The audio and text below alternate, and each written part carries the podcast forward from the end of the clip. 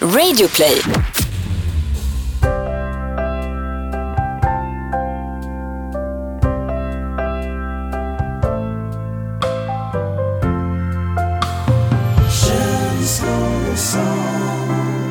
Vi har kurat ihop oss här nu. Vi sitter väl, väldigt nära och, och mys, mysigare än någonsin här i, eh, i Niklas lägenhet till ära. Mm.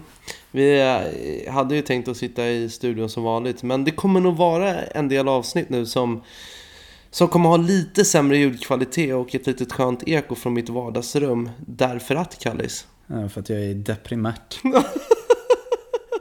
För du är deprimärt, men du är ju strong. För du kommer hela vägen, alla de tre minuterna som du måste gå för att ta dig hit. Du kommer över hit, du sätter dig i soffan, får ett glas iskall Cola Zero i handen och sen, så, sen kan du ju faktiskt prata lite. Och du gör ju det här inte bara för min skull utan du gör det för alla, alla lyssnares skull. Kosfamiljen. The show must go on, no matter what, som jag brukar säga.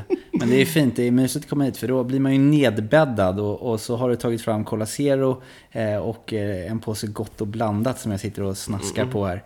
Girigt. Det är väldigt, det känns eh, väldigt mysigt att vara här Niklas. Även om jag undrar varför det luktar så sjukt unket i din lägenhet. Det är väl det enda, det luktar värre än vanligt. Alltså. Eh, El- Elif, min tjej, hon, eh, hon blir galen varje gång du säger det. För du säger det nästan varje gång du kommer hit. Och inte till henne, för det vågar du inte. Men du säger det till mig och jag säger det till henne.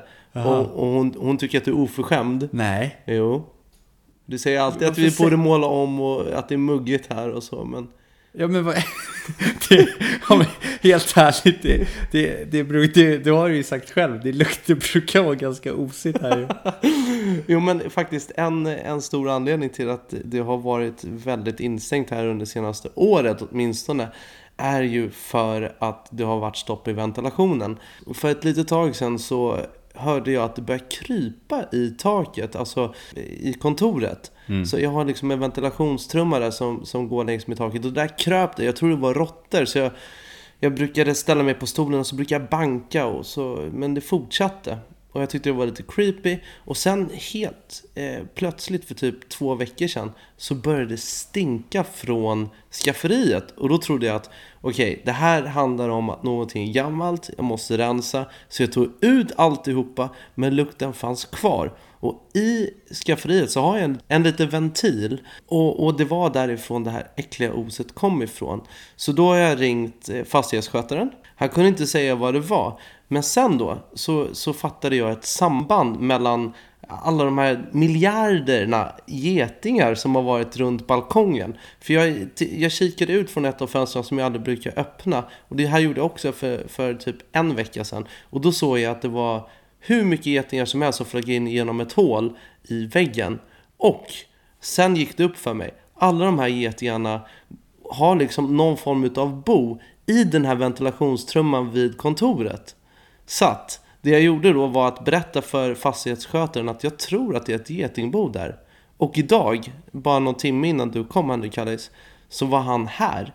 Och han borrade ett stort hål i den här äh, gången eh, där, det, där det ska ventileras. Och det bara svärmade av getingar. Och ett så stort getingbo att jag inte har sett på maken. Så jävla äckligt alltså.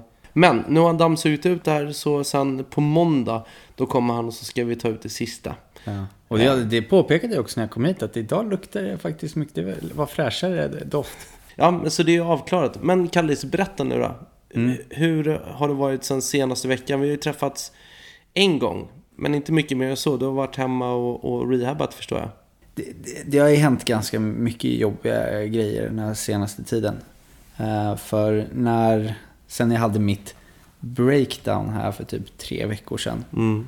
Eh, och när jag fick gå till läkare och insåg liksom att det fan, jag, är- jag, är inte, jag är inte glad längre. Jag har massa eh, konstiga symptom, massa konstiga muskelsmärtor, eh, inte sovit och egentligen ja, stressat för mycket under en lång tid.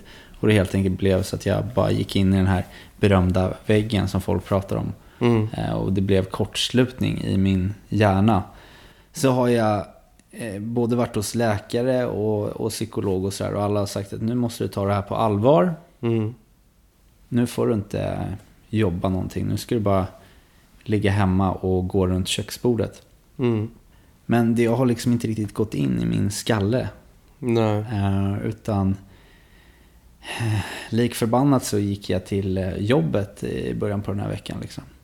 Och eh, redan liksom, på bussen dit så kände jag... Vänta, vänta. Trots att du hade sjukskrivit dig? Ja, trots att jag hade sjukskrivit mig. Från mitt ena jobb då, då. Men mitt andra radiojobb är ju i samma byggnad liksom. Mm. Så då tänkte jag väl, men nu har jag ju inte lika mycket grejer. Så då borde jag klara av att kunna komma tillbaka och göra det ena Mm. jobbet så att säga. Men redan på vägen dit så kände jag att jag bara blev varm och fick skitmycket ångest och fick jätteont i huvudet, fick jätteont i axlarna och ryggen. Alltså så här.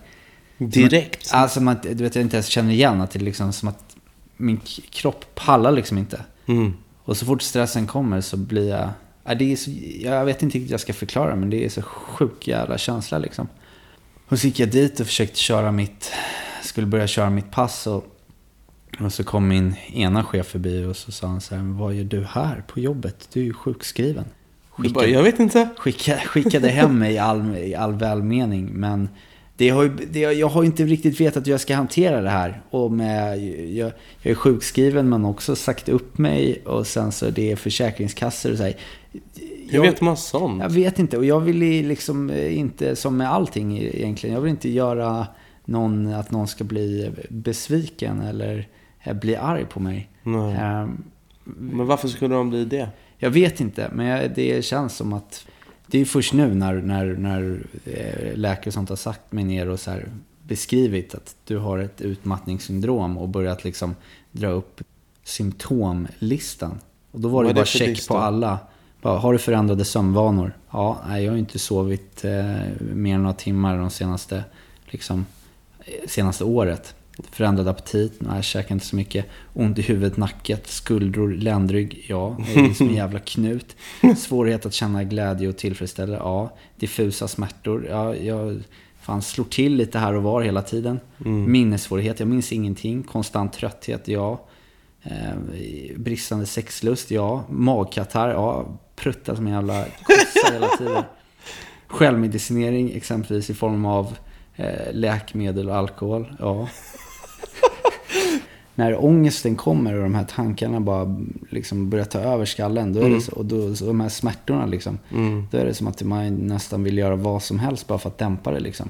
Jag vet att det låter så jävla eh, skevt liksom. Och det är det här jag inte velat fatta, för jag har inte tänkt att det skulle hända mig och att det faktiskt kan vara liksom Mm. en, som en, ja, men en sjukdom liksom. En grej som jag tänker på nu när du väl har förstått att du faktiskt är deprimärt och att du har gått in i väggen och stresssymptom och allt det där.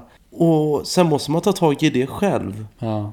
Ja, och hur gör man det liksom? Man måste sjukskriva sig. Alltså när man är sjuk, då kan man ju inte ta tag i saker och ting som man annars kanske skulle ha gjort för man mår dåligt. Ja. Och hur är det tänkt då att du som mår dåligt och är sjuk nu, att du ska ta och fixa till? Hur kan man ens sånt där? Det betyder ju att du, i, du behöver ingen stress, men ändå ska du sitta och stressa runt och försöka leta efter eh, psykologer och sjukskrivningsgrejer, Försäkringskassan och allt sånt där som man inte pallar. ja är, Hur har du gjort det? Nej men det är det som är det jobbiga. Men jag har ju haft väldigt tur i att eh, faktiskt att min, eh, min flickvän har varit alltså ett sånt sjukt eh, stöd i det här alltså. Hon har ju verkligen hjälpt mig med allting och stöttat till liksom 100%. Och inte liksom blivit ja, men blivit trött på mig. Även fast eh, vi, hon kom in i mitt liv redan när jag egentligen började, hade börjat må lite dåligt. Och sen har hon ju fått uppleva ganska mycket av det här när jag bara egentligen mått piss liksom. Shit. Men istället för att så här, ah, vad är det här för jävla nitlott jag drog?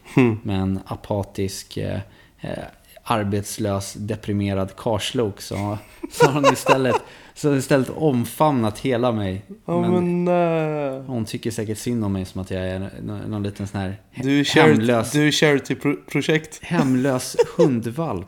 Nej. Men du, tänk ändå. Ja. Fanny. Mm. Hon blev tillsammans med dig när, när du var ett vrak. Och ändå så tyckte hon att du var en guldklimp. Ja. Alltså förstår du sen då när du är på topp? Fattar du hur kär hon kommer bli? Ja, vet, du, det, här, det här går ju inte ihop alltså. För att i min värld har jag tänkt att när man ligger på topp, topp. man tänker så här, nu är jag riktigt vältränad, har bra kläder, Ja. allting flyter på bra, jag har bra självförtroende. Det är då man går ut och, och raggar och alla tjejer är intresserade. Men nu är det istället när man ligger på botten där. Och det är det som du säger, då visar det att det bara är ännu mer att det är rätt liksom. Och äkta kärlek. Ja, och Wow. förhopp- förhoppningsvis så kommer jag kunna liksom visa upp de glada, eh, goda sidorna här längre fram i vårt förhållande. Ja men det är klart Ja, kompis. såklart. Men det, var, det är i alla fall väldigt skönt att eh, du också Niklas eh, har varit ett, ett, ett stöd. Det, här igår så, det betyder så mycket för mig. Eh, för då tog jag bilen och så plockade jag upp dig. Och så åkte vi och köpte en kaffe. Låt mig, låt mig stanna dig precis där. Ja, För att vet du vad som hände i mitt huvud när du ringde och sa att du var nedanför min dörr med en bil? nej. Då... alltså jag skäms över det här. tänkte- Mina, mina förväntningar alltså. Du vet, då trodde jag i mitt huvud att du hade spelat sånt sjukt spratt. Aha. Att du inte alls egentligen mådde dåligt. Att du inte hade slutat från jobbet. Att du hade bara mindfuckat mig. Och att du hämtade upp mig i mjukisbrallor i bilen var bara början på en svensexa i och med att jag ska gifta mig eh, om två månader. Och, och du vet, alltså du vet, jag, hela jag var ju så nervös och spatt i hela kroppen när vi åkte mot.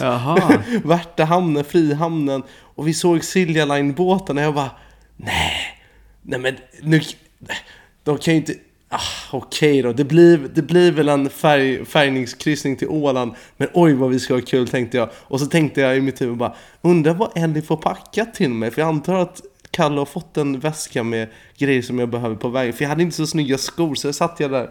Och egentligen så var det bara Fy min fan. skö, sköra kompis som mådde så dåligt och behövde prata. Vad är det här? Vad är det du tror att du ska få någon jävla svensexa i? Din giriga jäkel alltså. Här behöver man snacka och du tänkte bara på dig själv. Så blev det en kanelbulle och kaffe. Sorry Niklas, det där var din svensexa. Och på tal om eh, känslosnack, hur går det nu då pappa Niklas med hela den här nya papparollen som du ska Mm. Omfamna? Eh, det handlar ju om att bli vuxen ju. Mm. Och jag, vet, inte- jag, kan inte, jag kan inte ens räkna på fingrarna hur många gånger vi har pratat om det här med vuxenhet, att bli vuxen. När man väl ska bli pappa, då, då känns det som att det är lite dags Mm. ändå. Att, att svida om helt och hållet. För att man har ju varit man har ju varit lite på gränsen till vuxen flera gånger liksom de senaste åren. Nu när man närmar sig 30 och sånt. Men ändå känner jag mig som ett barn. Men jag har ju försökt att ta ansvar nu. För att det är ju det vuxenheten handlar om. Man ska ta ansvar. Och, och särskilt då när man får ansvar för, ett, för en annan människas liv. Vilket jag kommer ha i februari. Så då har jag försökt så här ta fatt, eh, liksom styra upp saker och ting som jag vet att vuxna gör. Men jag är så dålig på det så det har ju liksom... Nej, är du det? Ja men... eh, Alltså, du skulle, du skulle ha hört mitt vuxensnack häromdagen när jag bara så här. Ja, de här sladdarna och kablarna, de måste vi gömma här. Barn käkar upp den här lägenheten och knackar i Annars så väggar. gnagar och- de på... eh, Ja, men de kan ju välta ner Ja, saker. just det, just det. Bound. Och sen så är det också, du vet, så här, gå runt bara. Ska vi se om man kan måla? Måste man, måste man utbehandla då först? Och, Mm. Du vet, jag har försökt sätta in mig. Men framför allt. Oj, oj, oj vad jag kände mig vuxen när vi drog till Babyland. Som ligger på Sankt Eriksplan. En av få butiker i Stockholm som säljer barnvagnar. Och det här med barnvagnar är ju en jävla djungel alltså. Det är en djungel av, av märken, av olika dämpningar, av suffletter, tyg. Vad är sufflett för någonting? Det är det man har på barnvagnen som man fäller upp för barnvagnen så att ja, men om det regnar eller om det är jättesoligt eller sådär. Så att jag har plöjt igenom en jävla massa vagnar, provkört. Och till slut så köpte vi en vagn. Och eh, jag trodde ju i min naiva lilla värld att ja, men det blir väl en vagn på typ 2000 kronor. Nej. Men det blir det ju inte. För när jag sätter mig in i någonting och märker att aha, det, det finns kvalitetsskillnader och, och så kommer en sån här säljare som är superbra säljare som säger att du ska ha det här och du ska ha det här och det här är viktigt. Du vet, alltså jag bara köper det rakt av. Och så, och så, så vaggas jag in och sen går jag därifrån med en vagn på 12 000 Oj. kronor. Totalt onödigt. Men ungen är ju liten, han kommer inte minnas vad han hade. Minns du vad du hade för barnvagn? Han ska ha det bästa! Ja. Han, sa jag. Men det, ja, Det är en han. det är en han! Det är en grabb! Det är en grabb! Det är En kille. son! Ska du Ja. få en son? Jag ska få en son. Och jag ringde, till, jag ringde till min mamma när vi fick reda på könet där på rutinultraljudet. Rull, som det kallas. Och det första jag sa till mamma när, när, när hon svarade var bara Det är en kille! Hon bara Nej men nej, det vill inte jag höra! Jag bara va? Hur kan man inte vilja höra det? Jag, jag tycker inte att det överhuvudtaget spelar någon roll, men jag tyckte det var intressant ändå att veta därför att om någon eh, säger så här Jag har en hemlighet.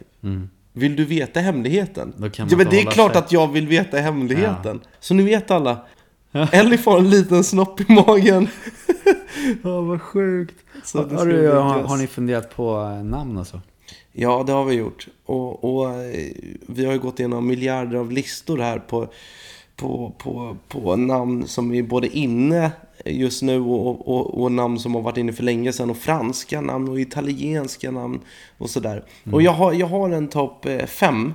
Men jag ska, jag ska inte säga det i podden än. Utan det jag skulle vilja är att ni som lyssnar i Kosfamiljen tar och skickar in lite förslag på namn. För det är svårt det där. Vad, vad skulle du säga? Har du något bra tips, Kallis? Eh, namn på son. Jag tycker att du skulle döpa honom till Folke. Ja! Folke, jag älskar Folke. Folke är ju, det hör man ju, det är ju en riktig, en riktig liten chef. Alltså. Men det är svårt det där. Det, jag, Folke! jag, jag tror att kanske ett, ett, eh, ett bra tips är väl just att om du får massa eh, förslag från eh, känslor från familjen här, som säkert har jättebra namnförslag, och några som ni har tänkt på också. Eh, så kanske att man har några top picks liksom. Bra. Och sen så får man se helt enkelt när det kommer ut. För då kanske det uppenbarar sig. Mm. Om det är en, en liten, eh, en, en liten Bosse, en, en Karl Fredrik eller en, eh, en Georg. ja, Georg kanske det. Man vet ju inte. Det, det, för att, eller i sitt eget huvud så har man ju ett, en ett bild på ett speciellt utseende ganska förknippat med de flesta namn. Ja. Oftast efter att man har träffat någon annan. Vi pratade ju lite om det här för någon dag sedan. Att du ser mer ut som en Elias än Just en det. Niklas. Ja, och vi hittade ju ett namn på det också. Vad är- Nisse? Nils? Ja, men Nisse eller Måns. Måns, Måns. Nå- något, något lite så här kaxigt och stöddigt fast ändå lite gulligt liksom. Ja, det är Elias är en, en snäll kille och det är ju du också. Ja, nej men så eh, skicka gärna in. Och på tal om att eh, skicka in till vår mailadress som är Kanslor och sant at gmail.com Eller bara gå in på vår Instagram eller Facebook och så, så kan man, man får skicka in överallt. Vi kollar alla plattformar. så är det ju faktiskt så också, Kallis, att vi har ju fått in lite dilemman. Ja, Och vi älskar ju när ni skickar in eh, frågor och funderingar och kanske till och med en liten klapp på axeln ibland till oss. ja. Så fortsätt göra det. Vi har ju också blivit då eh, certifierade experter.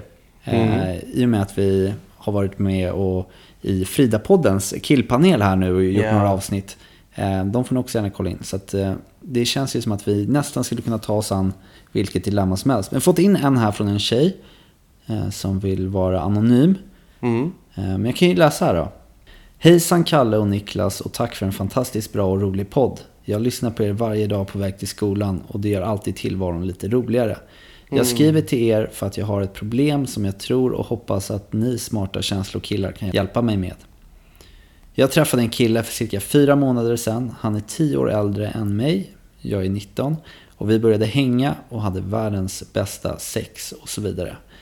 Han sa direkt att han inte vill ha ett seriöst förhållande och att han har svårt att få känslor för folk efter att han blivit sårad av sitt ex. Vi har fortsatt att träffas och allt börjar mer och mer likna ett riktigt parförhållande. Vi ses flera gånger i veckan, pratar varje dag och vi har bestämt att vi inte ska ligga med varandra. Men det här börjar ta på mina krafter på något vis, när jag alltid går runt ovetande. Hur ska vi ha det egentligen? Jag blir alltid orolig när han inte svarar eller är ute med sina vänner eftersom jag inte vet var jag har honom. Ska jag ta upp det här med risk att skrämma iväg honom eller ska jag bara vänta ännu mer och se vad som händer? Tror ni att det här kan ha något att göra med åldersskillnaden? Hur ser ni på den saken? Väldigt tacksam för, för svar. Kram från Anonym. Tufft som vanligt alltså att svara på. Ja, alltså vi snackar ju ändå en 29-årig gobbe, alltså exakt lika gammal som vi är. Mm. Ungefär. Och vi vet ju inte hur han resonerar. Absolut kan det ju vara så att han har... Um, att han har varit tillsammans med en tjej som har bränt honom doktigt och att han är en känslokille som bara känner att okej, okay, jag vill inte rusa in i någonting nytt här. Men det kan ju också vara så i och med åldersskillnaden att han bara utnyttjar hennes sällskap. Ja, alltså. Det, en, det enda jag kan känna, alltså talar helt och hållet från egna erfarenheter, för det är det enda mm. man kan göra egentligen. Men det är ju det att när det känns rätt liksom. Mm. Eh, då, då, då känns det som att då är det inga problem med sådana grejer. Att, För du och Fanny när ni träffades, ni snackade aldrig så mycket utan det bara blev. Men det bara blev och man, man var inte oro, det var ingen oro eller någonting utan man bara kände, det var första gången jag hade känt att det här, det, det är bara rätt, det bara känns naturligt och allting känns bra. Eh, i, i, tidigare så här när man har dejtat och så, så kan mm. jag känna igen mig i det här att man drar på det lite och vill inte ge sig hän riktigt. Mm. Och det är ju oftast då för att man inte känner sig, att det känns helt liksom Mm. Det känns helt hundra att gå in i liksom. Mm. Och då, då måste man ju, men det... Och så, så var det ju när jag träffade Elif också. Jag hade ju faktiskt precis blivit bränd då ja. också. Men när jag träffade Elif så kändes det så naturligt. Ja. Och det kändes så bra att, att det här med att skita i att träffa Elif någon mer, det fanns inte för mig. Trots att då jag var mitt i en sorgeprocess liksom så kändes det ändå som att ja, men det är klart att jag ska ge mig in i det här. För annars så missar jag någonting som känns så fruktansvärt bra. Så att trots att han har då kanske blivit sårad och sådär, om det skulle varit rätt mellan er så kanske han ändå bara skulle kört. Men det verkar han ju inte vilja riktigt. Nej, jag, jag tycker bara, om man ska ta det lite hårdrare så tycker jag ändå att det finns ett visst mönster det här med när man säger att jag vet inte om det känns... Mm. Eh, vi kan väl ta det lite långsamt och vi kan... Eh, vi kan se och vi kan hänga. Så det är klart att man kan göra det och inte behöva bestämma någonting. Men efter så lång tid och man inte kör på om det känns rätt. Då, då tycker ja, men det blir ju orättvist mot tjejen här. Den 19-åriga gössen som, bara, som verkligen vill. Gör, alltså vill mer. Ja, men då tycker jag det är helt okej att fråga så här. Eh, vad, liksom, vad är du ute efter. Liksom. Precis. Eh, och då kanske man får vara öppen för det också. Att, så här, ja, men att, han, att han säger att jag, jag vill bara ha det så här för att jag, mm. jag tycker att det är nice. Liksom. Mm. Men hon vill ju uppenbarligen mer. Mm. Och då måste det vara upp till henne om, om, eh, och liksom ta ställning till det då. Men ta snacket och känn efter själv. Känn efter vad du vill också. Mm. Liksom på riktigt ofta är det ju så som vi pratat om tidigare att det här med att när någon inte är kanske tillräckligt så tillgänglig och är lite mm. svår. Ja. Eh, så brukar ju det trigga att man ofta kan känna att man vill ha personen mera. Mm. Mer av andra anledningar än att man är förälskad. Liksom. Hör av dig och berätta hur det gick sen. Jag eh, kom på en grej. Ja du vet det här med att bli pappa och sånt. Mm. Det är så sjukt för att jag står ju lite utanför det här um, både lidandet som Elif går igenom med illamående och saker och ting som händer med kroppen. Men, um, men också så här, den, den goda, glada upplevelsen av att någonting uh, skapas i henne nu. Liksom. Mm. Uh, men hennes humör påverkas ju och det gör ju inte mitt. Nej. Och det har blivit så uppenbart nu de senaste dagarna. alltså, Elif är ju en människa som har väldigt mycket känslor, vilket jag älskar. Mm. Men allting blir väldigt överdrivet när hon är gravid. Just det. Så då låg vi här i, i soffan i, igår mm. och så bara chitchattar vi som vi gör. Timmarna bara flyger förbi och vi pratar om allt mellan himmel och jord.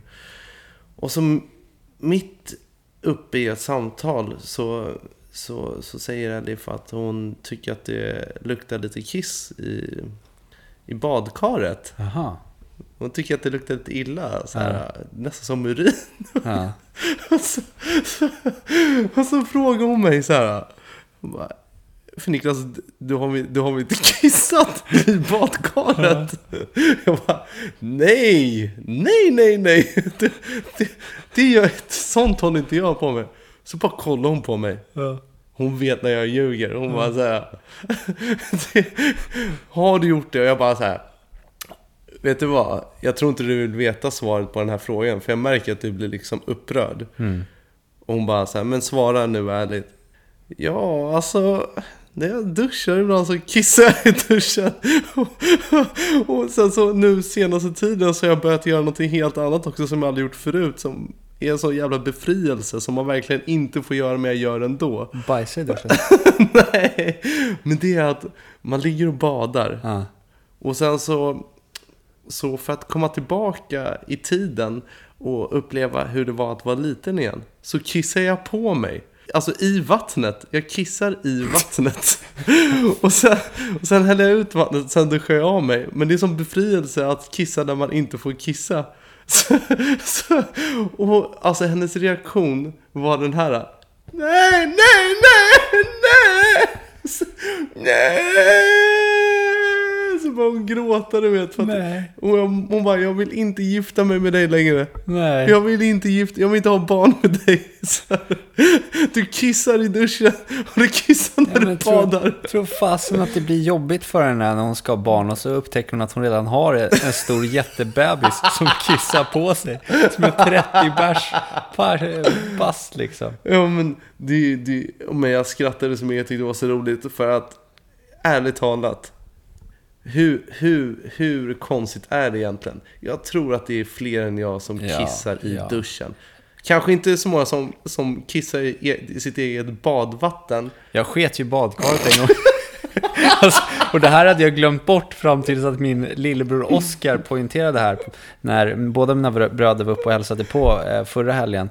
Och eh, min, eh, vi bjöd in dem på hamburgare som Fanny hade lagat. Och så satt vi och pratade och sådär. Och så, eh, vi pratade lite om hur vi träffades. Och då blev jag för det första påmind om vilken brutalt dålig första dejt jag gjorde med, med Fanny. Jaha. Eh, Jag var ju när- med då ju. Nej, ja, när vi träffades första gången, det här var första dejten när jag alltså bjöd hem eh, henne. Ja. Då bjöd jag hem henne och det så, hon, hon berättade då hur jag var ganska stel först. Eh, vi slog oss ner i, i mitt vardagsrum och så bjöd jag på vin Mm. och fryspizza. Schysst. Ja, ja, schysst ändå, men det låter lite fattigt. Och sen så sa jag till henne bara att vi skulle köra musik. Kolla på min tavla som jag hade köpt. Ligga i varsin soffa, kolla på tavlan och göra musikterapi. Weird. Och så skulle man andas 30 gånger. Och mina brorsor tyckte det var- här var så pinsamt. Att, att jag gjorde det som så här första dejt som jag knappt har eh, snackat någonting. Liksom. Det är ju känslor och sånt eh, på den. Ja, verkligen. Men det, det lät lite konstigt. Och då skrattade alla jättemycket åt det där. Och sen så sa Fanny, har ni några mer roliga historier om, eh, om, om, Kalle, om Kalle? Och då säger min lillebror så ja, han sket ju ner ett badkar en gång. Och, och då sa- Fanny, ja, skrattar vi att det var det länge sedan eller? Nej, det var väl en fyra, fem år sedan. Det här är jag helt förträngt, men vi var på familjeresa. Jag alltså sa typ var typ 21-22 på Kanarieöarna. Och då var det så här, typ, då funkade typ inte toaletten. Och så var det ett ganska stort hål i badkaret. Och så kom jag ihåg att jag låg i liksom riktningen och hade så att vattnet, vattnet spolade liksom ner mot det här hålet. Och så kände jag att jag behövde skita. Och att du vet när man skiter att man har så här en perfekt, bara liten och hård. Klutt. Bara, en klutt. Så jag tänkte den där kommer ju bara spolas ner i det där. Det var liksom lite lutning. Och jag ville inte heller gå upp och liksom eh, behöva gå ner i receptionen och gå på något toa. Så jag låg där, hasade ner brallorna och sen så sket jag. Det var bara att den här lilla klutten inte var en så liten klutt, den var ganska stor. Så att, Bamse. så att jag får så här panik av att den inte sköljs ner i badkaret utan istället får jag gå fram så här och är rädd för att bli upptäckt och börja trycka ner den med tummen. Och det är då min lillebror kommer, kommer in och ser mig sitta på alla fyra i badkaret. Så rådjursblicken. Hej! Tryck ner mitt en bajs. Kalle, vad gör du? Nej, jag håller på att fixa lite. Alltså, så den historien passar min lillebror på att berätta för min flickvän och då tittade hon också på mig. Men så här, sådana här ögon. Alltså, chock. Jag har chockögon. Alltså, vad är det för kille jag är ihop med? Ja, du är fan, du är fan värre än vad jag är. Ja. Tänk, tänk om, du skulle, om du skulle varit du som väntade barn med Elif och du skulle berättat att du har bajsat i badkaret. Ja, Förstår du den reaktionen? Då skulle, hon skulle hoppa från balkongen till alltså. Aj, aj, aj, alltså. Nej, det är tur att man inte berättar det här i någon podd eller sådär. Men det kallas. Mm. Nu när vi båda har gått igenom saker och ting som är superallvarligt och eh, som är väldigt roligt också.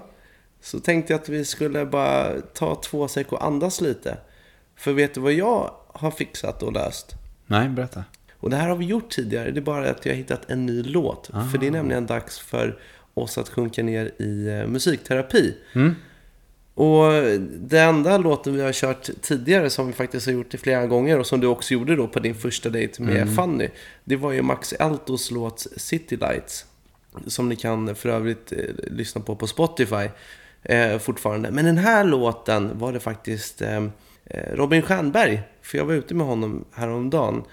Och det kan jag också berätta nu när jag ändå är på ämnet att det var ju ett- en helt magisk dag. Vi skulle bara träffas och käka. Och sen efter vi hade käkat på världens skönaste ställe så drog han med mig till Ugglan. Och vi spelade airhockey och rundpingis tills att jag blev superfull. Och då trodde man att det var knock, men nej nej. Han drog med mig till Habibi bar på Nytorget. Och där skulle man ta och inhalera lustgas från ballonger. Vilket jag aldrig hade gjort förut. Och det var helt magiskt. Men eh, han tog hand om mig i alla fall. Eh, jag fick komma upp till hans lägenhet. Och så sa han så här. Det här ska du göra för Elif när du kommer hem. Han satte mig ner i en fåtölj. Gav mig någonting att äta. Och sen satte han på den här musikterapilåten. Den här låten tänkte jag då dela med mig av till dig Kallis och till er i KOS-familjen. För att den gör underverk för hans själ. Du som lyssnar, slut ögonen. Sätt dig ner bekvämt där det ligger någonstans. Ta några djupa andetag. Och bara gössa till den här.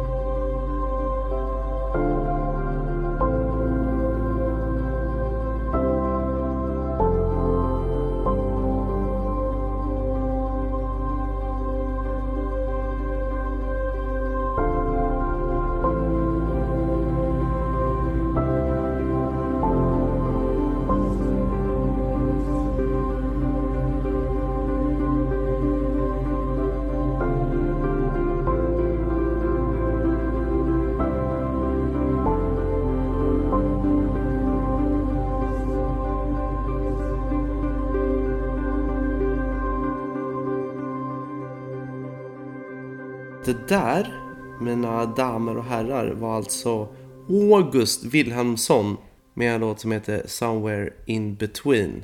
Mm. Vilket jag tycker så förklarar så här, känslan sjukt bra i den här låten. För att det känns ju lite som att man är i rymden samtidigt som man kan applicera eh, de här tankarna och bilderna man får upp i huvudet med saker och ting som är på jorden. Mm. Så man är bara någonstans i ingenstans. Mm.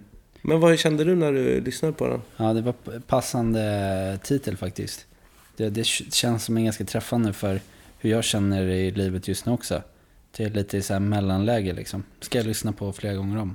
På tal om att ha på repeat. Precis. Eller på tal om att någonting att bli lugn. Så mm. vi, vi slutar inte här nu. För nu kommer ju höjdpunkten mm. eh, i vår podd. Och det är såklart Peter Borossi. Mm. Peter Borossi som är tillbaka med en ny lugn stund. Och som vi älskar honom alltså. Ja. Take it away Peter Borossi. En lugn stund med Peter Borossi. Det var i slutet på juli.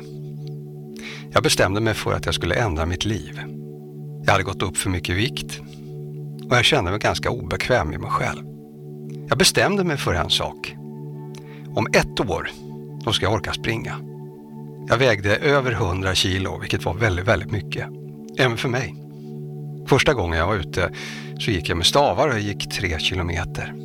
För varje uppförsbacke som kom så, så kände jag att nej, nu, nu, nu stannar hjärtat. Men i och med att jag hade bestämt mig och såg ett mål framför mig så, så gjorde jag det ändå. Och varje dag var en plåga. Ända tills jag plötsligt en dag märkte att det inte var en plåga längre. Nu, nästan två och en halv månad senare och sju kilo lättare, så känner jag så fort jag går min runda i mycket högre tempo än vad jag gjorde tidigare och jag kommer till en backe, en uppförsbacke som tidigare knäckte mig. Jag har på min runda fyra riktigt branta backar.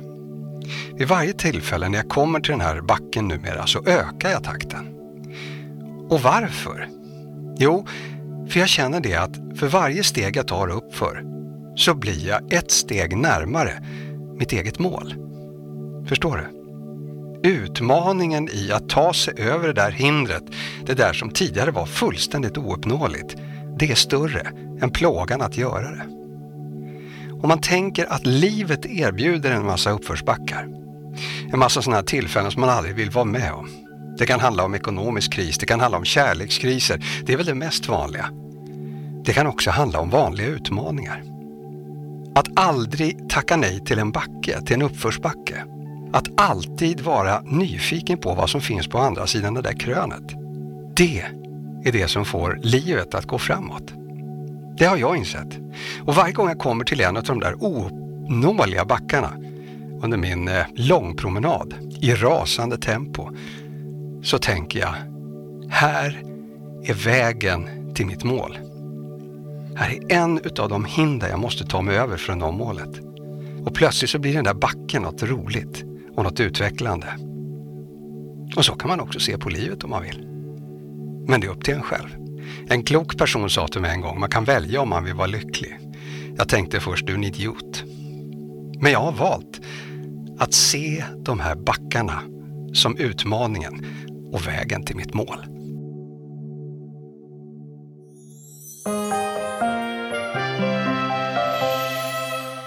Peter har också varit den som har varit jätteschysst stöd mot mig.